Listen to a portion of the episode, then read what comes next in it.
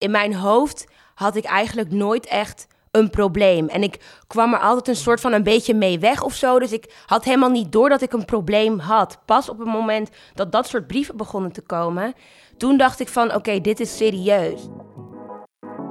Yo, welkom bij Praat Money met me. Ik ben Edson Dagraza en in deze podcast ga ik het met jongeren hebben over geld. Want ja, iedereen heeft wel eens struggles met money en dan kan één verkeerde keuze er zomaar voor zorgen dat je echt geldproblemen krijgt. Bij maar liefst 1 op de 5 jongeren is dat het geval. Vaak is het moeilijk om hierover te praten, want ja, je schaamt je en er is gewoon een taboe. Maar over die struggles praten helpt. Daarom probeer ik, Edson Dagraza, in deze podcast het taboe te doorbreken. En dat doe ik niet zonder reden. Ik heb zelf ook dik, dik, dik in de schulden gezeten. En ehm, pas toen ik erover begon te praten, ja, toen kwam ik er eigenlijk uit. Uh, dus jongens, praat erover. En dat ga ik doen in deze podcast. En in deze aflevering zit ik met niemand minder dan. Oh, dit was mijn cue. Ja, dat is jouw cue. Met Dominique. Ja, Dominique, welkom. Hey, top dat je er bent. We gaan het vandaag hebben over online shoppen. Iets wat jij heel graag deed, toch? Ja. Ja, ik zie je ogen alweer helemaal groot worden. Gewoon. Ah. Ja, zeker. Ik uh, was wel echt uh, verslaafd aan shoppen. Verslaafd zelf? Ja. Jeetje. hey, uh, jij gaf op je 18e verjaardag gaf je jezelf een cadeau. Maar of je daar blij van werd, dat gaan we zo horen. Voordat we erin duiken, gaan we eerst luisteren naar onze razende reporter Rosa. Zij ging de straat op en vroeg aan jongeren waar ze hun geld aan uitgeven. Wat is de duurste aankoop die je ooit hebt gedaan? Ehm, een surfboard. Hoe duur was die? 600 euro. Uh, Xbox 360 heb ik gekocht.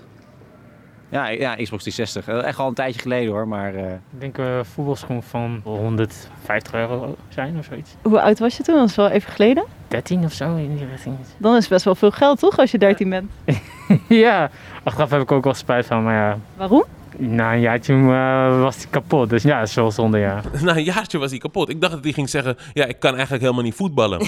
maar hij was dus kapot. Slechte kwaliteit. Jongens, jongens, jongens. hey, um, Dominique. Wat is jouw duurste aankoop ever? Poeh. Uh, ik denk dat het duurste wat ik ooit heb gekocht een camera is. Oh? Ja, toen ik begon met de basisopleiding van de fotovakschool... toen moest ik een camera daarvoor hebben. En die was, ik denk van 600 euro of zo. Dat is denk ik het duurste wat ik ooit uh, heb gekocht. En uh, toen je het kocht, hoeveel geld had je op je rekening? Ik denk niet veel meer dan dat. dus na dat was je gewoon skeer, gewoon... Basically. Ja? gewoon broodjes pindakaas en... Uh, Oké. Maar zo'n camera, dat was functioneel, was voor je opleiding, toch? Ja, ja dus, dus, dus dat nodig. Daar, daar ja. kan je nog wel inkomen. Ja. Maar heb je ook uh, dingen gekocht waarvan je denkt van... Mm, mm, dat, dat heb ik eigenlijk niet nodig, maar ik ga het toch kopen... omdat ik daar soort van blij van word? Ik heb ook een keer een tas gekocht. Um, oh, here we go. Alle ja, dames ja, nu op ja, een tas. Oh ja. Ik moet ook eerlijk bij zeggen, ik weet niet eens meer welk merk het was. Misschien een Gucci-tas of zo. Oeh, oké. Okay. Ja, die heb ik ook een keer gekocht en die was wel tweedehands. Oh. Dat, moet, dat moet ik er wel even bij zeggen. Lekker wel duurzaam. tweedehands. Lekker duurzaam. die was uh, ook iets van 600 euro.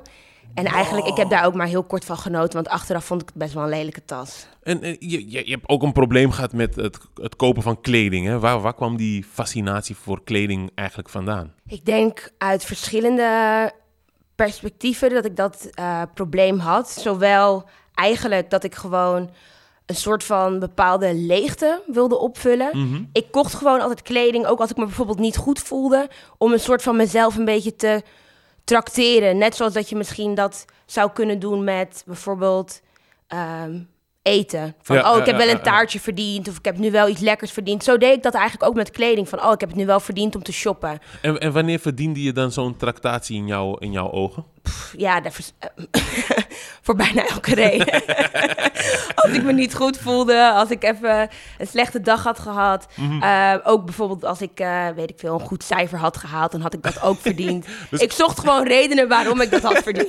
Dus of het nou goed of slecht was, Ja. je verdiende wel iets. Ja. Ah, ik heb de In bus mijn- gemist. ja. Nah, Gucci-tas. In mijn hoofd verdiende ik het altijd. Daar komt het eigenlijk op neer.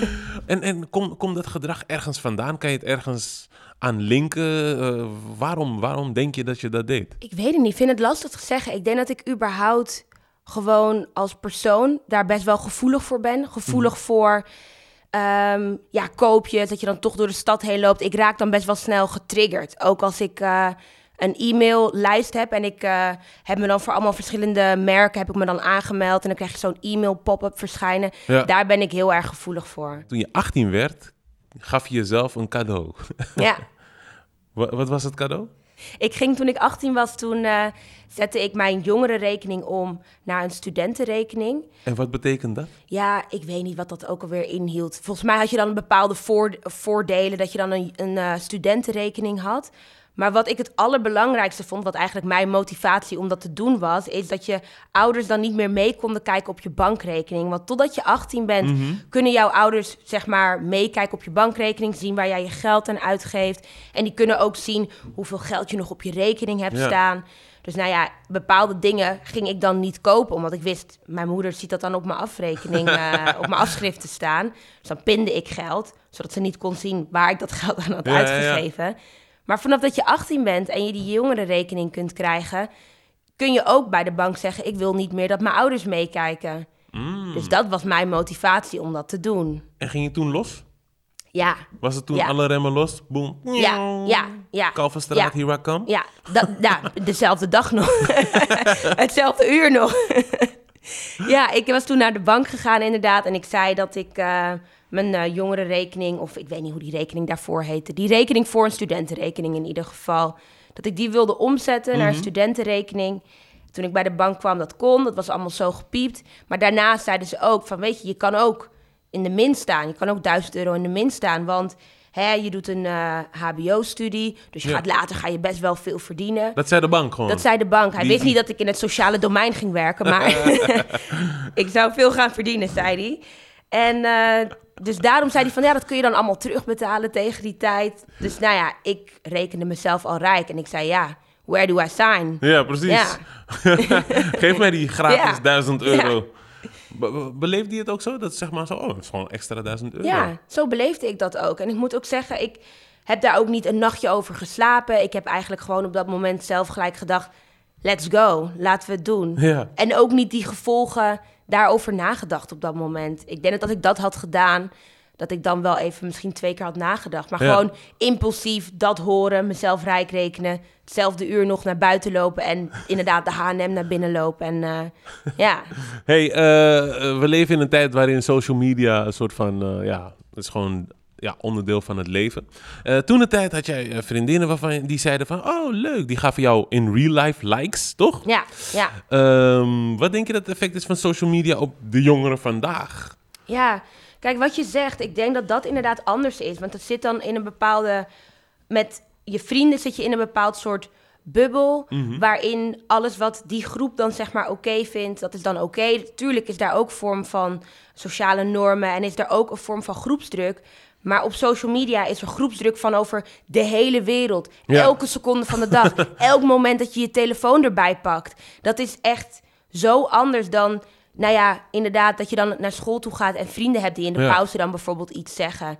Waardoor het gewoon zo ja, intensief is, denk ik, tegenwoordig. Ja, ik, eh, toen ik 16 was, eh, Gucci, ik kon het niet eens spellen van het, geld dat ik, van het geld dat ik toen had, snap je? Dus dan vraag ik me af, hoe kom jij aan zoveel money? Ja, nee, ik moet er ook wel bij zeggen van... het was niet dat ik alleen maar bij dat soort merken kleding kocht. Ook gewoon, ik kon ook gewoon de H&M naar binnen lopen... en daar bij wijze van het rek leeg kopen. Ja, Maar ik had een eh, manier voor mezelf gevonden... die ik best wel slim vond toen de tijd. Achteraf gezien niet natuurlijk.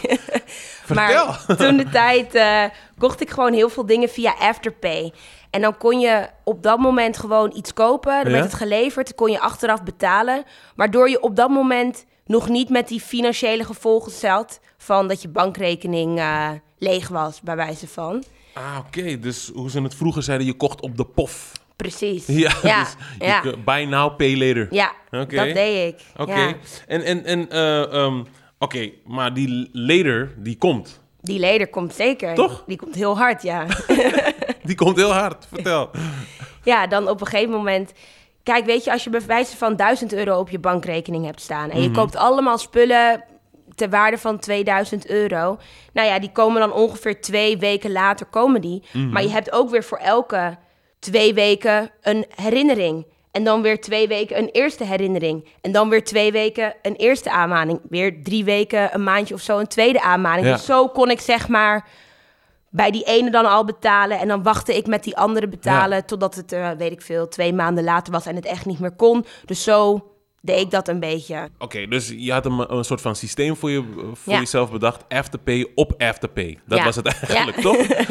En ehm, wan- wanneer kwam het punt dat je zeg maar, dat niet meer kon managen? Even kijken. Ehm, dat was op het punt dat ik brieven begon te krijgen die wat dreigender waren in toon. Echt van, waar we moeten gaan overstappen op incasso, we willen het gaan overdragen. Eh, nou ja, dan kunnen we spullen in beslag nemen. Dat was toen ik wel eventjes begon te zweten en ik dacht van, oké, dit is dit is serious. Mhm. Ja. En Ja. wat, kijk, je zegt zweten. Wat, wat voel je dan op dat moment? Zo'n brief komt binnen. Wat, wat gebeurt er? ja, angst. Heel erg angst. In mijn hoofd had ik eigenlijk nooit echt een probleem. En ik kwam er altijd een soort van een beetje mee weg of zo. Dus ik had helemaal niet door dat ik een probleem had. Pas op het moment dat dat soort brieven begonnen te komen... toen dacht ik van, oké, dit is serieus. Eh, dus heel erg angstig. Heel erg eenzaam ook, want ik sprak daar eigenlijk met niemand over... Dus ik had het heel erg het gevoel dat ik er echt alleen voor stond. En dat ik het ook zelf moest oplossen. Maar dat kon Ja. ik eigenlijk gewoon helemaal niet. Want ik wist bij God niet hoe ik dit nog kon oplossen. Ja, en, Ja. En, en hoe lang heb je dat gedacht? Hoe lang ben je, zeg maar, heb je het alleen gedragen? Over wat voor periode Ehm, hebben we het? Nou ja, ik ben dus echt wel een beetje met dat gedrag begonnen toen ik een beetje 15, 16 was. Mhm. En toen ik inderdaad wat ouder werd, 18, toen begonnen die brieven te komen die wat dreigender werden. Daarvoor lukte het me allemaal wel nog om het een soort van af te betalen. Maar ik heb het eigenlijk wel vrij snel, toen ik dat soort brieven begon te krijgen, heb ik eigenlijk wel aan de bel getrokken. En heb ik dat tegen mijn moeder gezegd. Je moeder, zeg je? Ja, hoe belangrijk is die geweest in dit verhaal?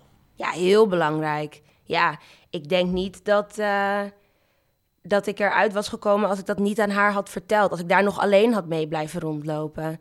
Toen ik het aan haar vertelde, ik was natuurlijk heel bang dat zij boos zou worden. Ja. Of dat ze teleurgesteld in me zou zijn. Wat ze ook wel een beetje was.